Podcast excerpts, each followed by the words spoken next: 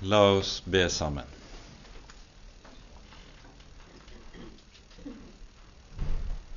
Kjære du vår Herre, du vår trofaste Gud og Far. Så takker og lover vi deg fordi vi på ny skal få lov til å samles om ditt dyrebare ord.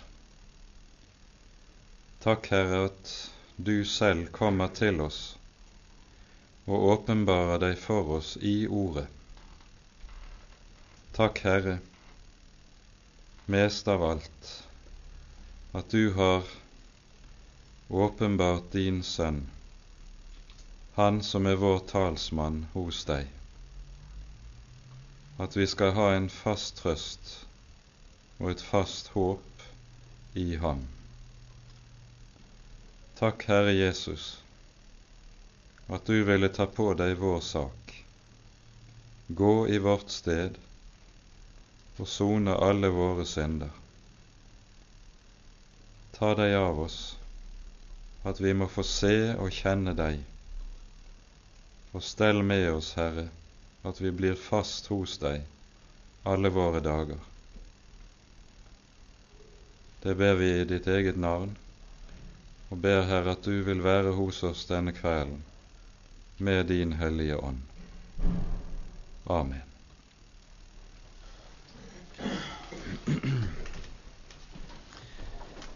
Vi går da nå inn i det andre kapittel i Første Johannes brev, altså, og vi leser innledningsvis nå de 14 første versene. Vi vil vel antagelig ikke klare å komme gjennom alle disse, men uh, for sammenhengen sin del så tror jeg det kan være godt. Mine barn, dette skriver jeg til dere for at dere ikke skal synde. Men om noen synder, da har vi en talsmann hos Faderen, Jesus Kristus, den rettferdige. Og han er en soning for våre synder, dog ikke bare for våre, men òg for hele verdens. Og derav vet vi at vi kjenner Ham, om vi holder Hans bud. Den som sier 'Jeg kjenner Ham', og ikke holder Hans bud, han er en løgner, og i ham er ikke sannheten. Men den som holder Hans ord, i ham er sannelig kjærligheten til Gud blitt fullkommen.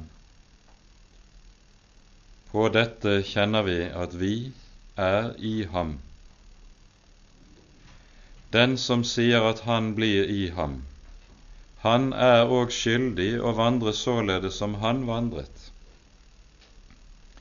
Dere elskede, det er ikke et nytt bud jeg skriver til dere, men et gammelt bud som dere hadde fra begynnelsen.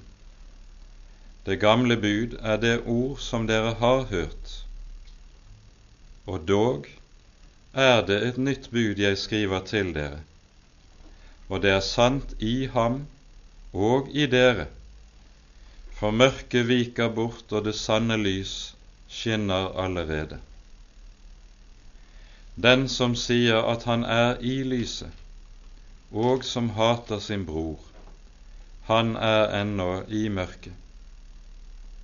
Den som elsker sin bror, han blir i lyset, og det er ikke anstøt i ham. Men den som hater sin bror, han er i mørket og vandrer i mørket, og han vet ikke hvor han går hen, fordi mørket har blindet hans øyne. Jeg skriver til dere, mine barn, fordi deres synder er dere forlatt, for Hans navns skyld. Jeg skriver til dere, dere fedre, fordi dere kjenner Ham som er fra begynnelsen. Jeg skriver til dere, dere unge, fordi dere har seiret over den onde. Jeg har skrevet til dere, mine barn, fordi dere kjenner Faderen. Jeg har skrevet til dere, dere fedre, fordi dere kjenner ham som er fra begynnelsen. Jeg har skrevet til dere, dere unge, fordi dere er sterke, og fordi Guds ord blir i dere, og dere har seiret over den onde. Amen.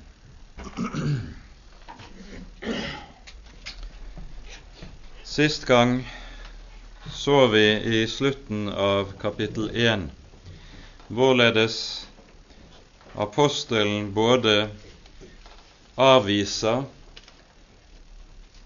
fornektelsen av at vi fortsatt har synden i oss etter at vi er blitt kristne, etter at vi er kommet til troen. I vers 8 leser vi dersom vi sier at vi ikke har synd, da bedrar vi oss selv. Og hvorledes apostelen også går i rette med dette at en kan tale om syndfrihet i det faktiske ytre liv dersom vi sier at vi ikke har syndet. Da gjør vi ham til en løgner. Det var retninger den gang, like som i dag, som levet i en innbilningsverden som handlet om altså at en fornektet talen om at det er synd hos oss og i oss også etter at vi er kristne. Når apostelen så begynner det andre kapittelet med ordene som vi hørte, mine barn, dette skriver jeg til dere for at dere ikke skal synde, så ligger det i dette at talen om at vi faktisk har synden fortsatt boende i oss, det skal aldri brukes som unnskyldning for at vi gjør synd, at vi frivillig gir oss hen i synd. Og så skriver altså apostelen, som han gjør det her i innledningen til dette andre kapittelet. Nå er det noen grunnleggende sannheter som det er nødvendig for oss å ta med oss, og som vi ikke rakk å stanse opp for sist gang, og som vi derfor skal se på innledningsvis i dag. Og det er hva Bibelen har å si om det forhold at vi som Guds barn er samtidig syndere og rettferdige. En hovedtekst til dette har vi i Romerbrevets syvende kapittel, der apostelen nettopp taler om hvordan han har det med seg selv og i sitt eget liv etter at han er omvendt og blitt et Guds barn. Og så leser vi fra vers 14 i Romerbrevets syvende kapittel. Vi vet at loven er åndelig, jeg derimot er kjødelig og solgt under synden. For hva jeg gjør, vet jeg ikke, for jeg gjør ikke det jeg vil, men det jeg hater, det gjør jeg. Men gjør jeg det som jeg ikke vil, da vitner jeg jo med loven at den er god. Men nå er det ikke mer jeg som gjør det, men synden som bor i meg. For jeg vet at i meg, det er i mitt kjød, bor der intet godt. For viljen har jeg, men å gjøre det gode makter jeg ikke. For jeg gjør ikke det gode som jeg vil, men det onde som jeg ikke vil, det gjør jeg. Men gjør jeg det som jeg ikke vil, da er det ikke mer jeg som gjør det, men synden som bor i meg. Så finner jeg da den lov for meg, jeg som vil gjøre det gode, at det onde ligger meg for hånden for jeg har lyst til Guds lov etter mitt innvortes menneske. Men jeg ser en annen lov i mine lemmer som strider mot loven i mitt sinn, og tar meg til fange under syndens lov, den som er i mine lemmer. Jeg elendige menneske, hvem skal fri meg fra dette dødens legeme? Gud være takk ved Jesus Kristus vår Herre. Så tjener jeg da Guds lov med mitt sinn, men syndens lov med mitt kjød. Den teksten vi her har lest, det er ikke sjelden at den, det ser vi i teologihistorien, leses slik og utlegges slik at en tenker seg at Paulus her taler om hvordan han var og hvordan han hadde det før han ble en kristen. Men ut fra den indre sammenheng i det vi her leser, så er dette en helt umulig forståelse. Eksempelvis når apostelen kan si, som vi hører i vers 22, For jeg har lyst til Guds lov etter mitt innvortes menneske. Det er noe som utelukkende kan sies om det omfødt, omvendte og gjenfødte mennesket. For det ugjenfødte mennesket har nettopp ikke lyst til Guds hellige lov etter sitt innvortes menneske. Tvert om, når det gjelder loven og det uomvendte mennesket, så lever det uomvendte mennesket i opposisjon mot, i opprør mot, og ofte opplever en sterk irritasjon i forhold til Guds hellige lov. Men når et menneske blir omvendt, når det blir født på ny, så er det som kjennetegner det nye mennesket, at det får en dyp kjærlighet til Guds hellige lov. Dette er sagt også uttrykkelig i flere sentrale tekster i Det gamle testamentet, der det nettopp gis løfte om hva som skal skje når Messias kommer med evangeliet og den nye pakt stiftes. Der sies det i Jeremia-bokens 31. kapittel Jeg vil gi min lov i deres sinn og skrive den i deres hjerter. Det er nettopp det som er tilfellet med, og som er noe av kjennetegnet på det nye og det omvendte mennesket. Guds hellige lov er innskrevet i hjertet, og derfor er det også slik at denne Guds hellige lov, det er noe det omvendte mennesket meget gjerne vil og ønsker å leve etter. Dette er saken. Men så er vår nød, som Paulus også nøyaktig setter ord på det i det vi her leser, at han ser en annen lov i sine lemmer. Og Når han her taler om sine lemmer, så skal vi være oppmerksom på at med det mener han ikke kroppen rent fysisk, som om det var slik at synden satt i vår fysiske legeme. Nei, når han taler om våre lemmer, så taler han om det som vi er som mennesker etter naturen. Og så er poenget han ser altså en annen lov i sine lemmer. Her er det både en lyst til det onde, og det er slik at det gamle mennesket hos oss stadig fører oss ut i det som er i strid med Guds vilje, i strid med den lov som vi har i vårt eget sinn. Og så er det blitt en krig mellom to i en kristen. For en kristen er nettopp dette. Han er to personer på én og samme tid. Han er samtidig synder og rettferdig. Derfor er det altså slik som apostelen taler om det i Første Johannes brev, som vi har lest det. Dersom noen sier at han ikke har synd, da lyver han og gjør ikke sannhet. Dersom noen sier at han ikke har syndet, da bedrar han seg selv, han gjør Gud til en løgner. For synden har vi i oss, og vi kjenner den og merker den alle sammen daglig. Det gamle mennesket ytrer seg stadig hos oss.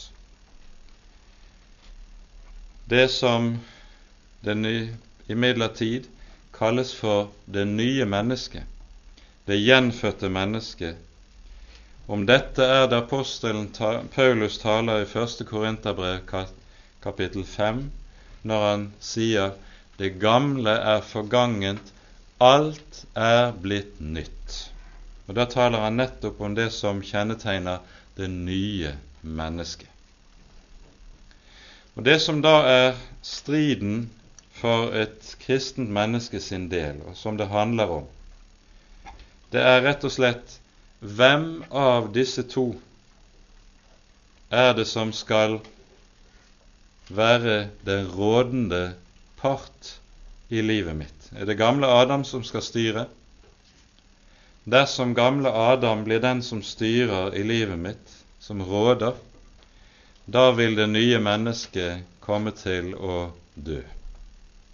Det vil kanskje kunne gå gradvis over tid, men dog Dersom gamle Adam får lov til å råde grunnen, så vil det nye mennesket før eller senere avgå ved døden.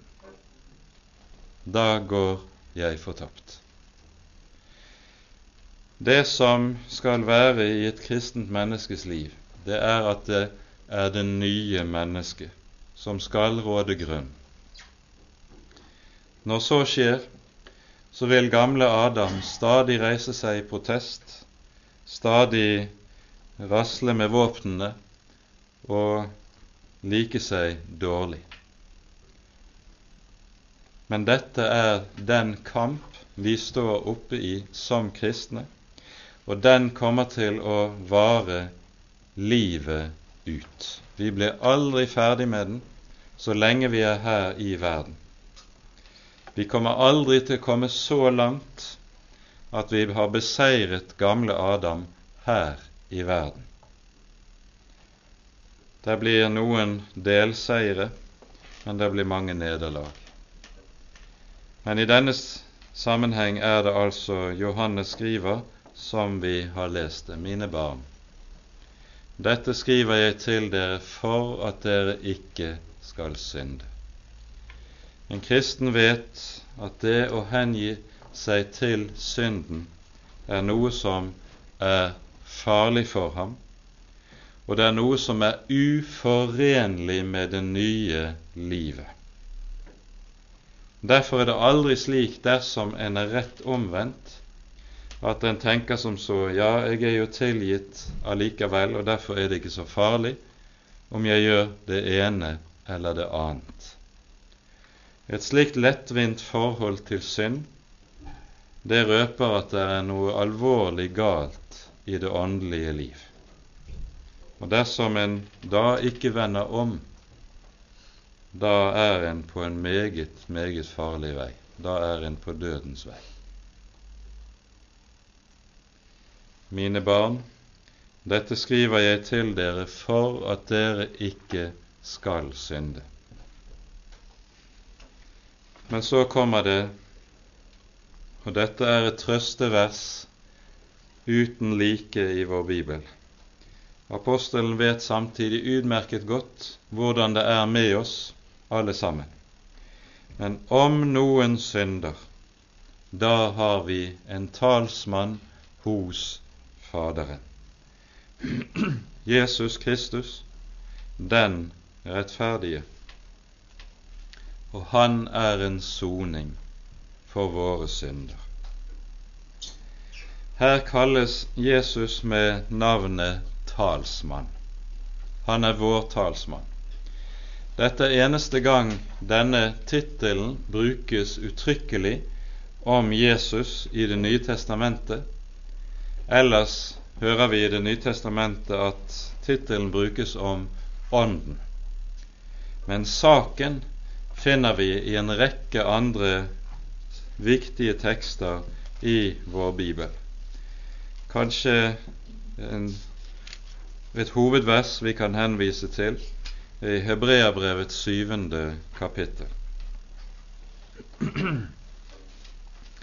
Her leser vi i, fra vers 24 og vers 25. Men denne, altså Jesus, har et uforgjengelig prestedømme fordi han blir til evig tid.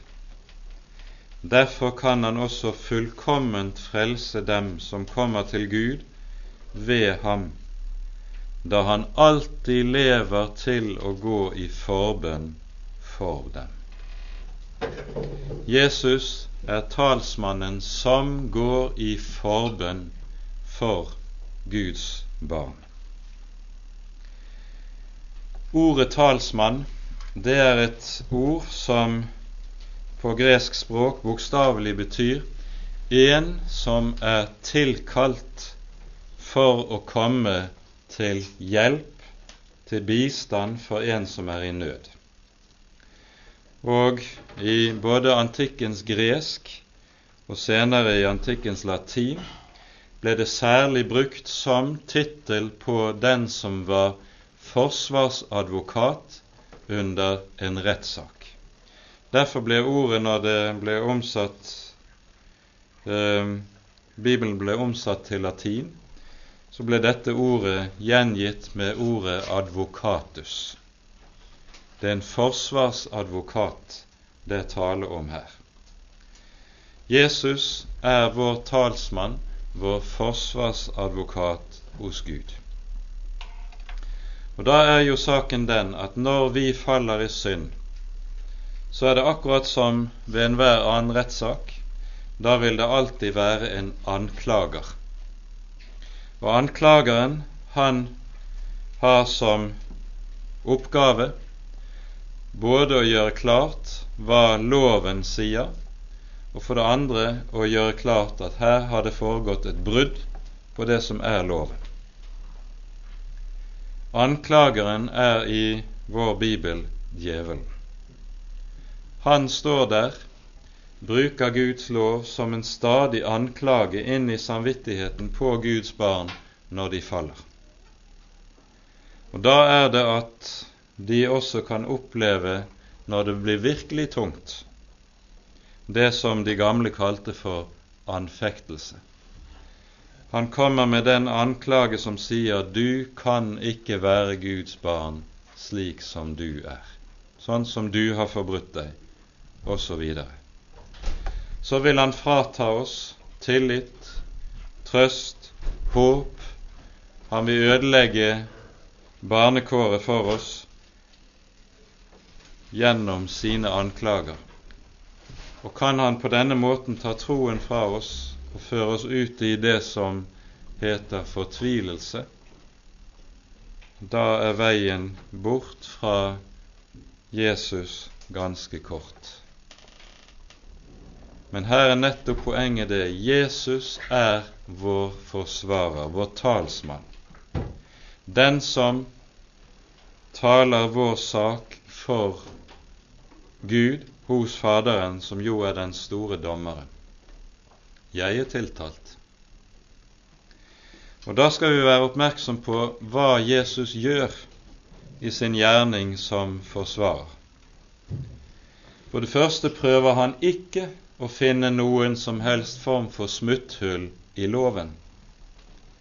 For når det gjelder Guds hellige lov, så finnes det ingen smutthull. I Norges lover er det mange smutthull, men ikke i Guds hellige lov. Der kan du ikke komme igjennom med et eller annet brudd som på loven som skal vise seg å kunne forsvares. Ei heller prøver denne vår forsvarsadvokat å finne formildende omstendigheter i våre liv som kan unnskylde hva vi har gjort, og minske alvoret ved det sånn som i norske eller i verdslige rettssaler kan forsvarere opptre på denne måten. Vår forsvarer for Gud, vår talsmann hos Gud, han gjør noe helt annet. Han viser den levende Gud naglemerkene i sine hender, trer frem for Faderen og sier, med mine sår har jeg tatt på meg straffen for det som her er gjort. Med min lidelse, med min død, har jeg gjort fyldes for, båret hele dommen over all den synd som her er gjort. Ingenting gjenstår. Det Jesus gjør som vår talsmann, det er altså nettopp det at han står frem for Faderen med de sårene som aldri vil bli slettet ut fra vår Herres Jesus sine hender, sine føtter og sin side.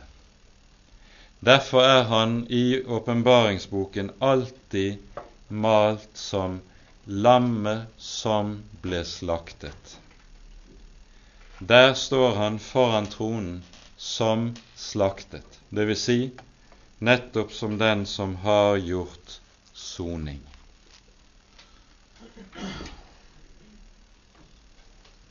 Og det Faderen vet, og det som er evangeliets dypeste innhold, er nettopp dette at Faderen vet den pris som her er betalt, den er mer enn tilstrekkelig til å dekke all synd som måtte bli gjort, uansett hvor stor den måtte være, hvor skitten du måtte føle det, hvor mørkt og hvor dypt du enn måtte ha falt. Prisen dekker alt, uten unntak. Det Jesus har gjort, det er nok i Guds øyne. Og det er det som hele vår fred og hele vår frimodighet i troen hviler på. Problemet vårt er jo ofte at det Jesus har gjort, synes oss av og til ikke å være nok i våre øyne. Vi faller og vi gjør ting som vi synes er så skammelige at vi lurer på kan Jesu gjerning gjelde dette òg. Og på ny må vi peke på evangeliet. På ny trer Jesus frem for Faderen og sier, Jeg er død også for dette, for jeg er død for all synd, ikke bare noe. Han er ikke død bare for de små synder, men også for de store. Han er ikke død bare for de pene synder, men for de onde, for de grove, for de stygge, for de skitne.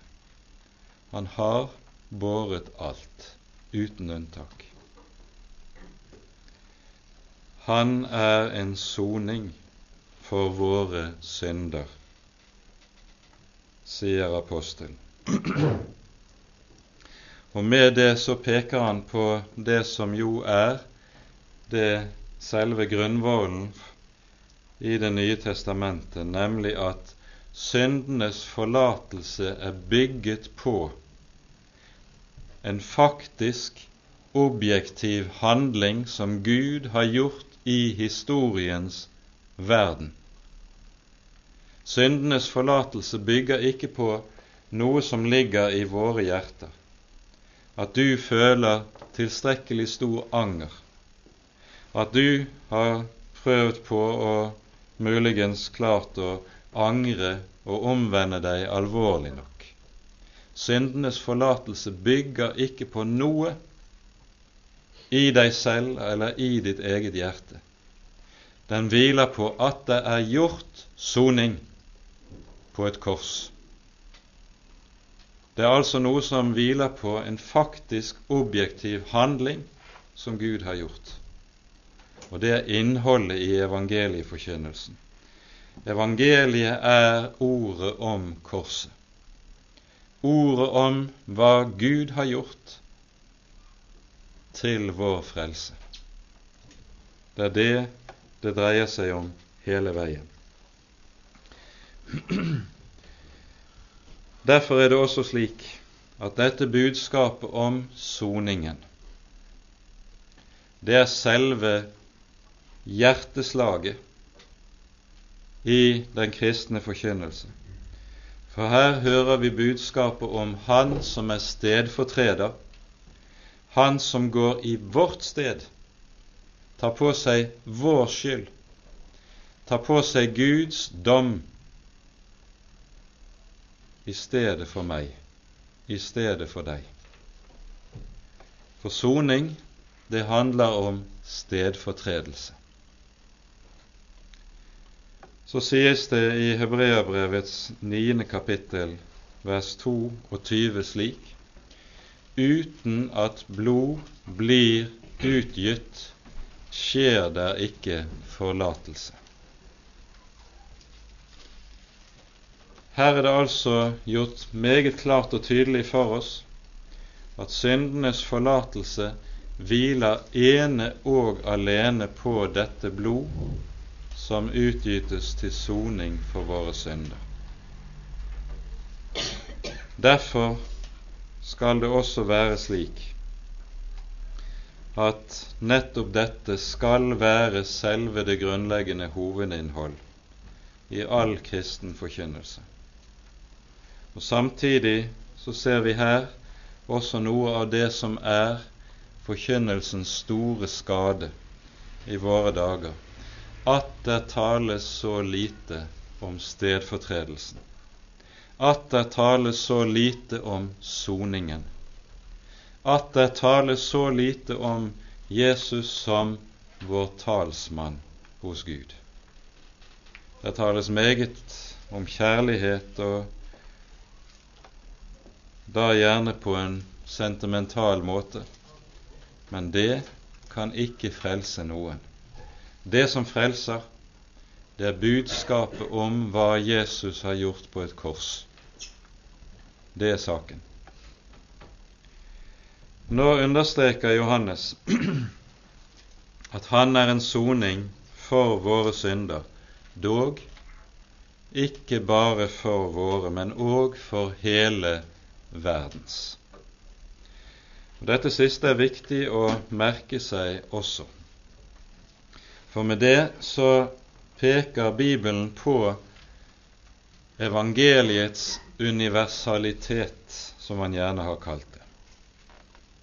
Det har nemlig vært retninger i kirkehistorien som har hevdet og forkynt at Jesus døde ikke for alle mennesker. Han døde kun for de utvalgte.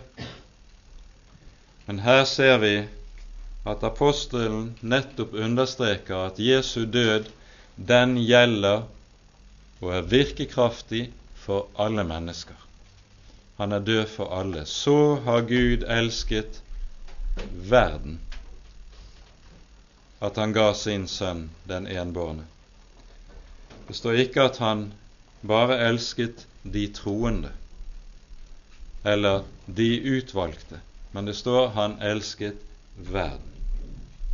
Og så ga Jesus seg selv for en fallen verden, og for alle mennesker i denne falne verden, hvem de enn er, hvordan de enn er, og hva de enn har gjort.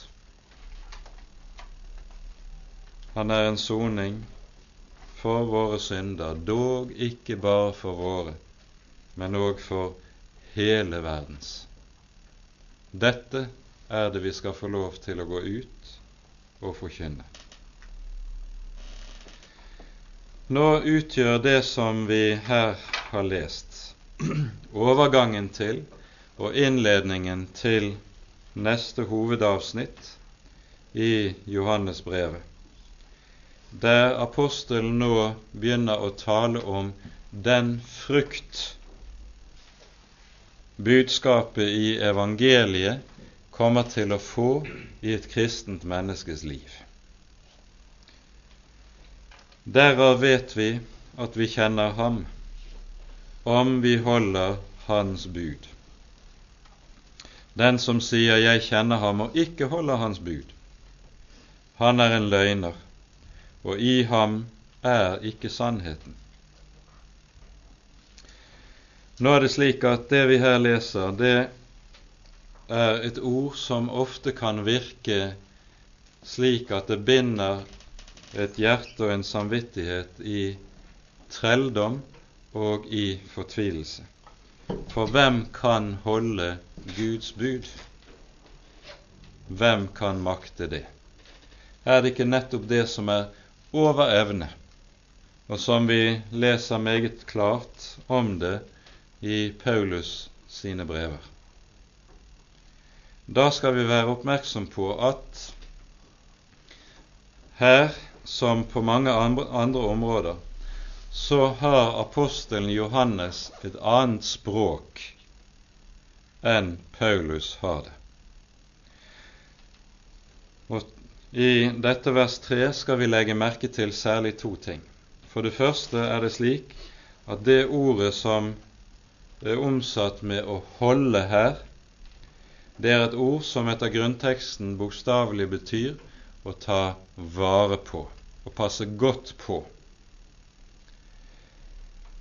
Og For det andre er det slik at når Johannes bruker uttrykket 'Hans bud', så tenkes det i Johannes' språkbruk ikke kun på budene etter loven, slik som vi gjerne taler om f.eks. de ti bud. Men i Johannes' munn så bruk, eh, betyr uttrykket 'Hans bud' det er en betegnelse på hele frelsesåpenbaringen. Vil si både lov og evangelium, slik vi vil bruke ordene med Paulus sin, i Paulus sin språkdrakt. Altså, Herrens bud er hos Johannes en betegnelse på hele frelsesåpenbaringen som den har gitt oss, både i lov og evangelium. Og Nettopp dette er noe som en kristen altså tar godt vare på. Dette peker på en viktig sak, nemlig at troskap mot Guds ord, kjærligheten til Guds ord, en kjærlighet til Guds ord som gjør at dette ordet er blitt det kjæreste en har, det er den første frukt av evangeliet av omvendelsen. Nettopp det at et menneske er født på ny, det vil alltid vise seg i at da kommer en i et helt nytt forhold til Guds ord. En får kjærlighet til dette. Og så vil bibeltroskap bli noe som blir en avgjørende frukt av en sann og en rett omvendelse. Derfor er det også slik at som vi ofte kan se det i uh, ulike kretser i dag, der en vil hevde at en er kristen, men samtidig kaster vrak på større eller mindre deler av Bibelens hellige skrift, det er vitnesbyrd om at en ikke er sant omvendt. Her må vi vise til hva Jesus selv sier i Johannesevangeliets 14. kapittel. Her leser vi fra vers 21. Den som har mine bud og holder dem, han er den som elsker meg. Men den som elsker meg, skal elskes av min Fader, og jeg skal elske ham og åpenbare meg for ham. Judas, ikke Iskariot, sier til ham, Herre, hva kommer det av at du vil åpenbare deg for oss og ikke for verden? Jesus svarte og sa til ham, Om noen elsker meg, da holder han mitt ord. Og min Fader skal elske ham, og vi skal komme til ham og ta bolig hos ham. Den som ikke elsker meg, holder ikke mine ord. Og det ord dere hører, er ikke mitt, men Faderens, som har sendt meg. Og Dette er viktig å være klar over. Et menneske som bevisst kaster vrak på større eller mindre deler av Guds hellige ord, det mennesket er ikke en rett kristen om det aldri så mye kaller seg for en kristen. For her er ikke spørsmålet hva vi selv kaller oss, men spørsmålet er hva Gud kaller oss. Og Jesus har gitt oss meget klar beskjed i det vi hørte fra Johannes evangeliets 14. kapittel. Dette skal lære oss at vi som Guds folk akter og ærer Guds ord høyt. Det går ikke an å akte og ære Guds ord for høyt.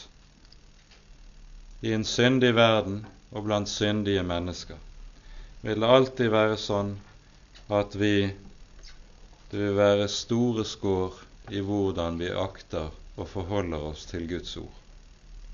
Vi kan ikke akte det høyt nok. Det må vi understreke. Og så skriver altså apostelen den som sier 'jeg kjenner ham' og ikke tar vare på hans bud, han er en løgner, og i ham er ikke sannheten. Men den som tar vare på, som holder hans ord, i ham er sannelig kjærligheten til Gud blitt fullkommen. Og Her skal vi være oppmerksom på at her er våre oversettelser unøyaktige. For hvordan kan kjærligheten til Gud bli fullkommen hos oss? Det er jo umulig. Ser vi på våre egne hjerter, så er det så som så med kjærligheten til Gud. Og skulle den være fullkommen, det er det skrøpelig med. I grunnteksten står det bokstavelig slik Men den som tar vare på Hans ord, i ham er sannelig Guds kjærlighet blitt fullkommen. Eller det kan også oversette i, i ham er sannelig, har sannelig Guds kjærlighet nådd sitt mål. Altså det mål Gud har når Han gjør oss til gjenstand for sin kjærlighet, for sin nåde, for sin godhet, det er at hjertene våre bindes fast til Hans ord. For Guds kjærlighet, som møter oss i og gjennom budskapet i evangeliet, det er jo dette som gjør sin gjerning i våre hjerter, og når det skapes frukt i våre liv. Det er altså Guds kjærlighet som utvirker noe hos oss, nemlig at vi i neste omgang får kjærlighet til Hans ord og til Hans evangelium. En kjærlighet som gjør at vi holder fast på det, vi elsker det, og vi vil gjerne leve etter det òg, selv om evnen ikke svarer til viljen i livet vårt. På dette kjenner vi at vi er i ham og av ham. Den som sier at han blir i ham, han er òg skyldig til å vandre således som han vandret. I dette ligger altså noe av det Bibelen har å si oss om Jesus som vårt forbilde.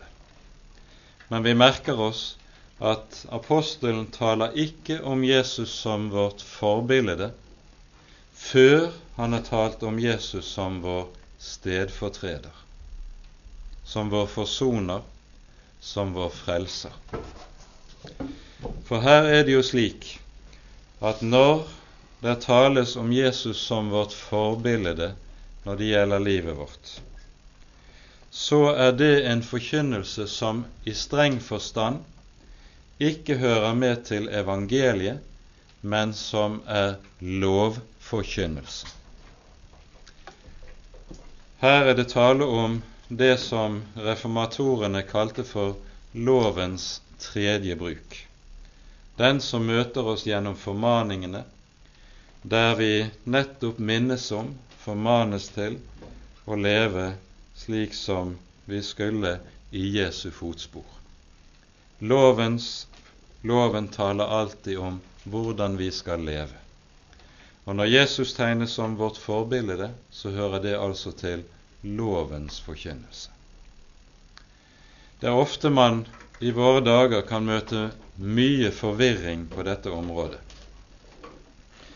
Eh, det er jo ikke ukjent at det er mange unge som går med et bånd rundt eh, håndleddet med fire bokstaver på, forkortelse for 'What would Jesus do?'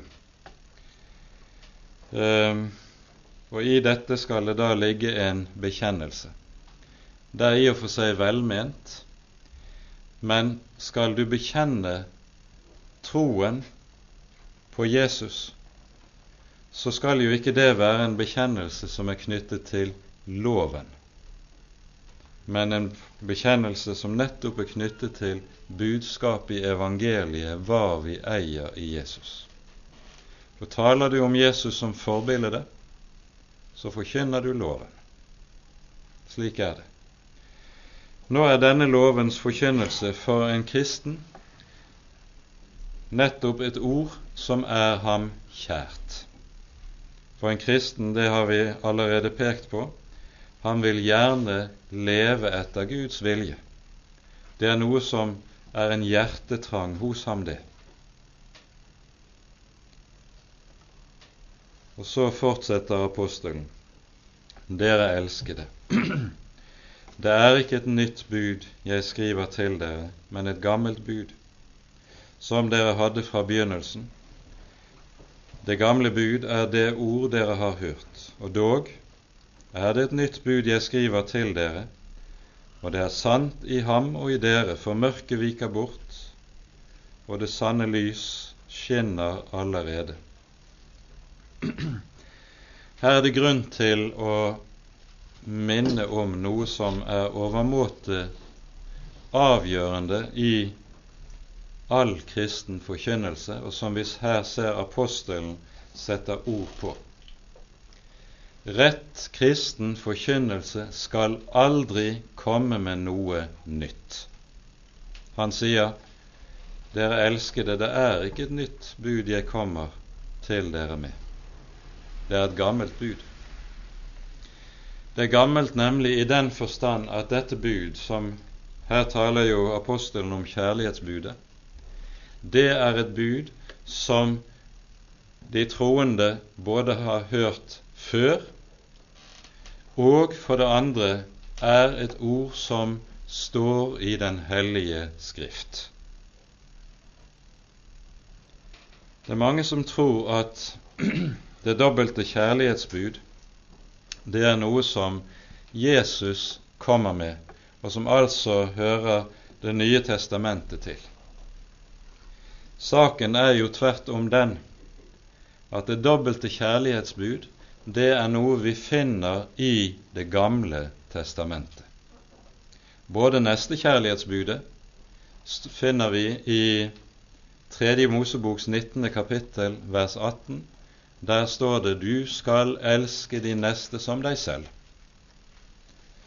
Så dette er altså noe som Jesus det ikke er Jesus som kommer med, men når Jesus taler dette, så underviser han i Skriftene.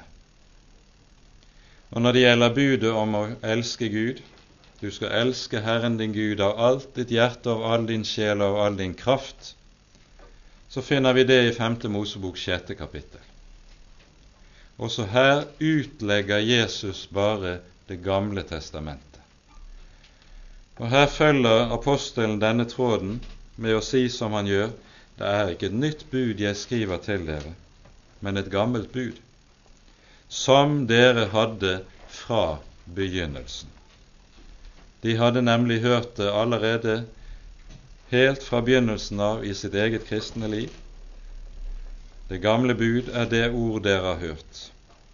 Og så kommer det i vers 8.: Og dog er det et nytt bud jeg skriver til dere, og det er sant i ham og i dere.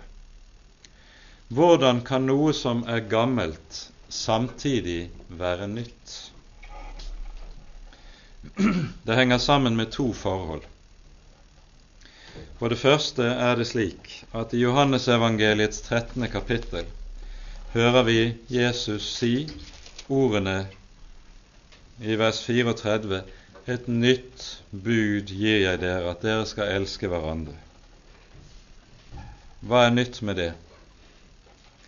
Det er én sak som er nytt med det, og som nemlig kommer frem i det som lyder i den neste setningen.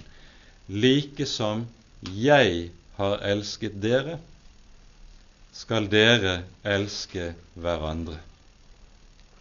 Det som gjør budet nytt, det er at det henter sin grunn og sin kraft i Jesu kjærlighet som er åpenbart for oss.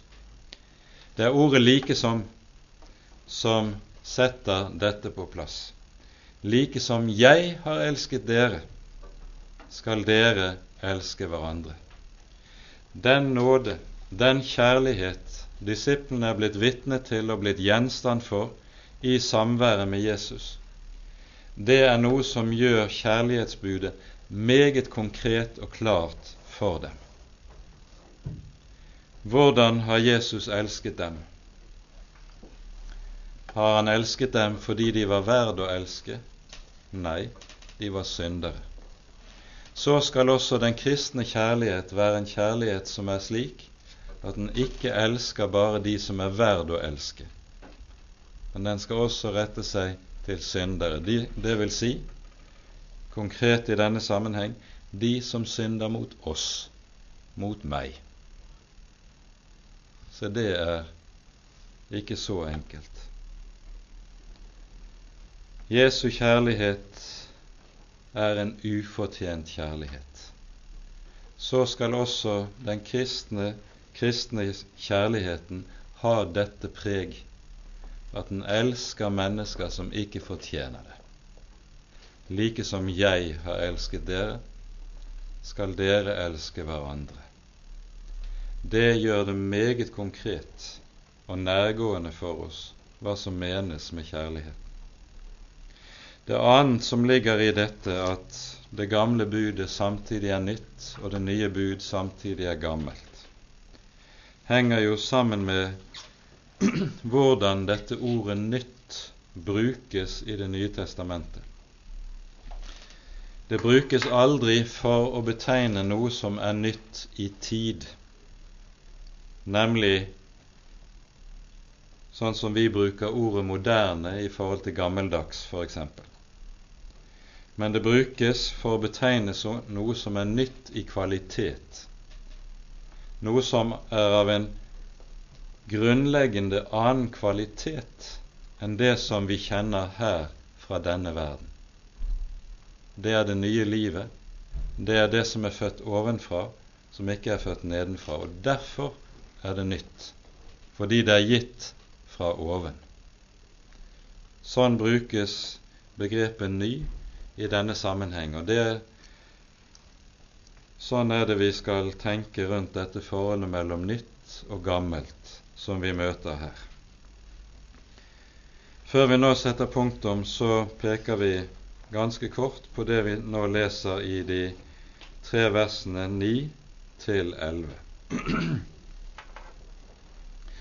Den som sier at han er i lyset, og som hater sin bror, han er ennå i mørket. Den som elsker sin bror, han blir i lyset, og det er ikke anstøt i ham. Men den som hater sin bror, han er i mørket og vandrer i mørket, og han vet ikke hvor han går hen, fordi mørket har blindet hans øyne. Vi har pekt på hvorledes den første frukt av evangeliet, at det får rom i våre hjerter det er at det skapes kjærlighet til Guds ord i en kristens hjerte. Den andre frukt av evangeliet, det er at det skapes frukt, den frukt som heter kjærlighet til de helliges samfunn. Og vær oppmerksom på at det er det det taler om i denne sammenheng.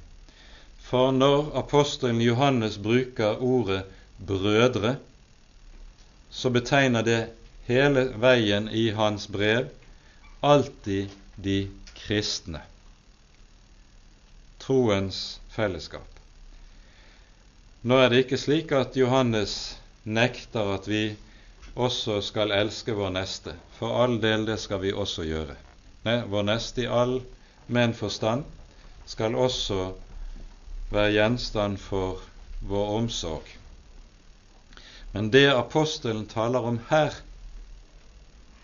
det er kjærligheten de troende imellom. Det er den annen frukt av evangeliet. Der skapes et fellesskap som gjør at en kjenner en indre og en inderlig samhørighet med de andre som også kjenner Jesus, de andre som også kjenner troen, og som gjør at en gleder seg over å møtes, gleder seg når en kommer sammen.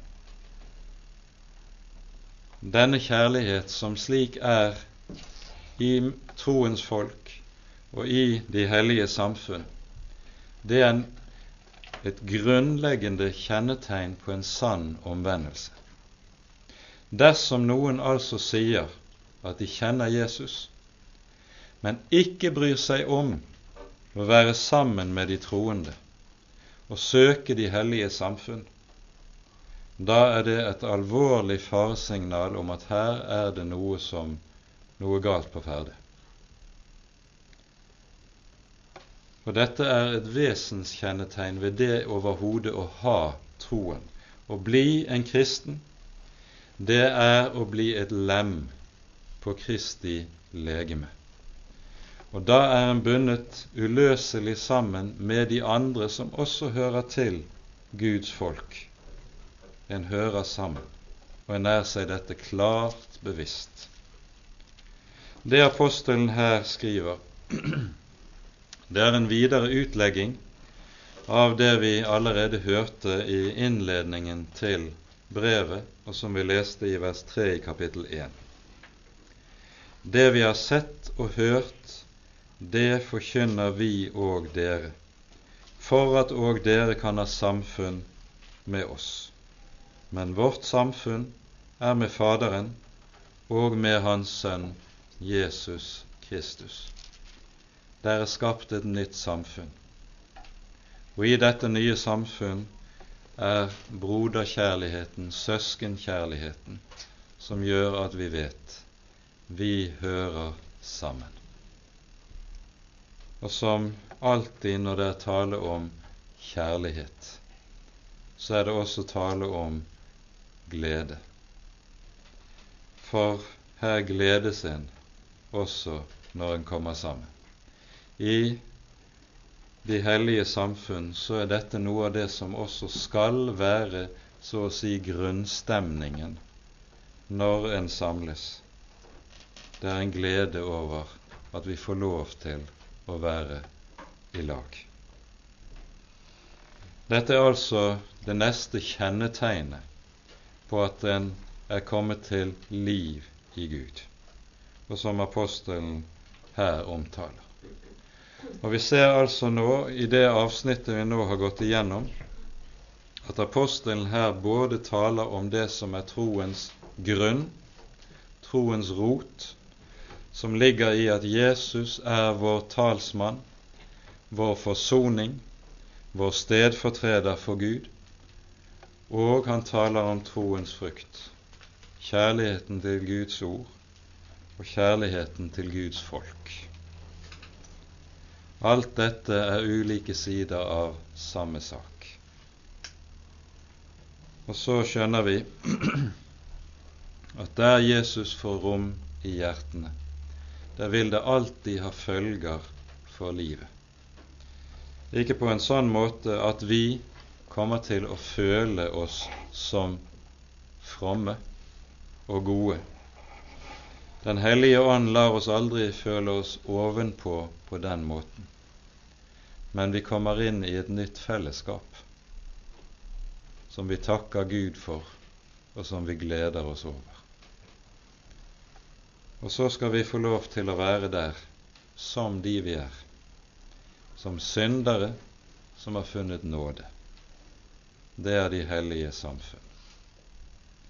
Amen.